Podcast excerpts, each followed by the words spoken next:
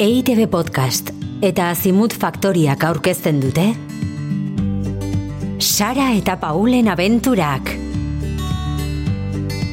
Lehen denboraldia, Bernardo Atxagaren logalea zeukan ekilibristaren kasua antzerki obran oinarritua.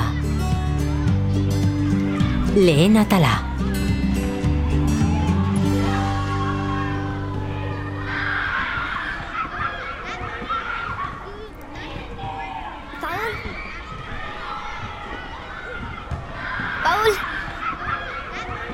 Zurekin joan naiteke?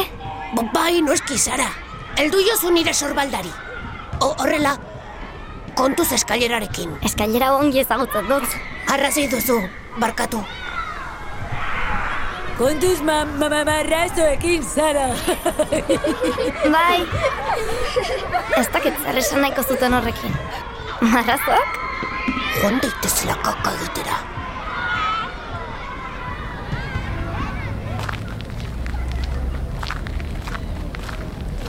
Jo, Sara, nola aspertzen naizen mateko klaseetan. E, e, naiz ezertaz enteratzen. Beldur naiz oraingo honetan suspensoa aterako dudala. Zaude isilik, ez da inbesterako. Noski, madan kuri. Zuretzat oso erraza da dena. Ez zaitez pasa, Paul. Em, lotxa pixka bat ematen dit, baina nahi baduzu nik... Kontu zitxoin, norbaitek ez du bere txakurraren kaka jaso. Bueno, txakurra ez, dinosaurioa. Ai, ama, dena mo- mo- mopordoz beteta dago. Ah, Zen aska. Zuk esango didazu. Bai, lasai, pausu bat eskubiarekin. Orain kontuz, altza eskerra, eta egin pausu luze xamar bat. Horrela, Bai, orain bestearekin berriz salto egin aurrerantz, eta... Hori da! mil esker, Paul. Kakazarra. Zer? Jope, basurean kei begira ari nintzela, eta azkenean nik zanpatu dudala kriston mu- mukordo. Hori da, zu gainetik barre egin.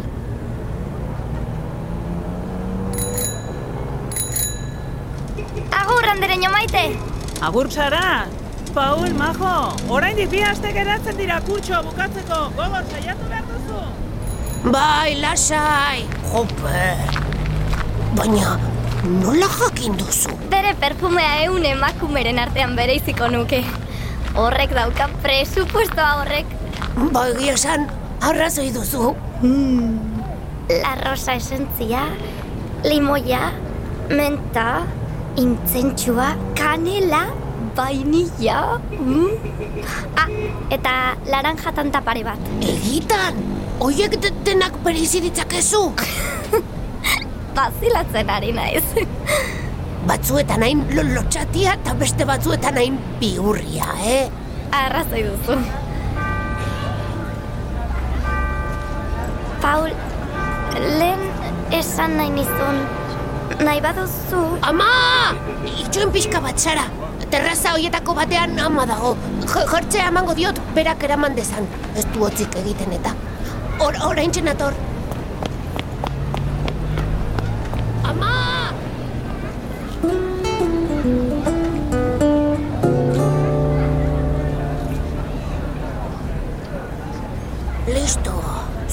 Papel maden.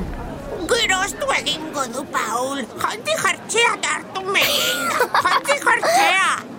Ke plasta. badakizu. Ama guztiak antzekoak dira. Bai. Ara zer eman didan, begira. Bueno, ba, ba- barkatu zara, ez nuen hori esan nahi. Mesedez, Paul. Niri ere ateratzen zaizkit olakoak oraindik. Ez dakit zer ikusi dudan, ez dakit zeini begiratu diodan. Normala da. Bai. Tori, bi sarrera eman dizkit zirkorako. Zirkorako? Bai, ondartzako zelaian jarri dutena. Joango gara elkarrekin. Baina nik ikusi gabe Zu zaude lasai. Zuk entzun da bakarrik, seguru nik entzun data ikusita baino errazago ulertuko duzula dena. Mateko klaseetan bezala. Paul, seguru gauza batzuk ikusi gabe ezingo ditu dala ule. Mesedez, eskenatokian zer gertatzen den nik azalduko dizut.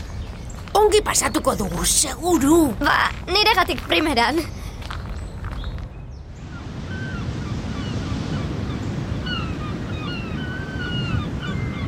oraindik ia ordu bete geratzen da. Nahi baduzu hemen eseriko gara surfistak ikusten. Eh? Ikusten? Kakazarra, ba barkatu. Aizu, gainera, nik badakit surfa zer dene. Iazko udan nire aitarekin ibili nintzen taularekin, eta olatu pare bat ere harrapatu nituen. B benetan? Zuk? Bai motel? Gailok bezala? Gallo? Ze gallo? Zarautzko surflaria da. Gaio motea da. Bere izena Aitor Frantsesena da. Glaukoma gaixotasunarekin jaio zen. Eta amala urtera arte ikusi zuen. Gero begi bat galdu zuen amala urterekin. Eta geratzen zitzaion begia handik lau urtera galdu zuen. Nire idoloetako bat da. Oso majoa. Zuk no, noiz arte ikusi zenuen. Ba, amaika urte bete arte. Ona bizitzera etorri ginen arte. Duela urte bete. Azkeniko kornea trasplantea etzen ongi atera... Jope, Sara. Lasai, txikitatik jakin dut ikusmena galduko nuela. Eta gauzei begiratzen nienean, beti egiten nuen alegina hoiek denak nire memorian hiltzatzeko. Gauza politasko eta zoro izen naiz. S sentitzen dut. Nik ere bai. Ez dut ulertzen. Zergatik egiten duzu barre? Nik ere sentitzen dudalako. Zer? Kriston kakusaina. Jope, Sara. Egia da, zen nazka. Nik txakur bat izango banu, beti jasoko nuke kakamokordoa. Zen nazka, zen nazka, zen nazka, zen nazka. Lasai, hori ez da ezer. Gozen urertzera, ondarrarekin eta itxasoko urarekin garbituko zaizkitzu oinetakoak. Bale, heldu nire sorbaldari.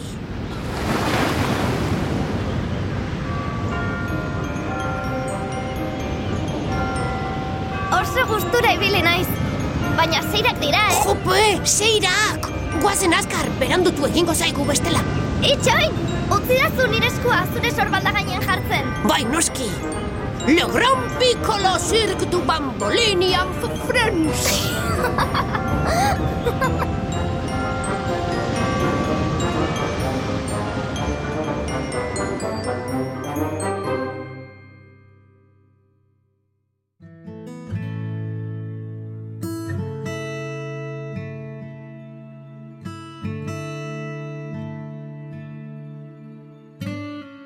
Sara eta Paulen abenturak podcasta entzun duzu.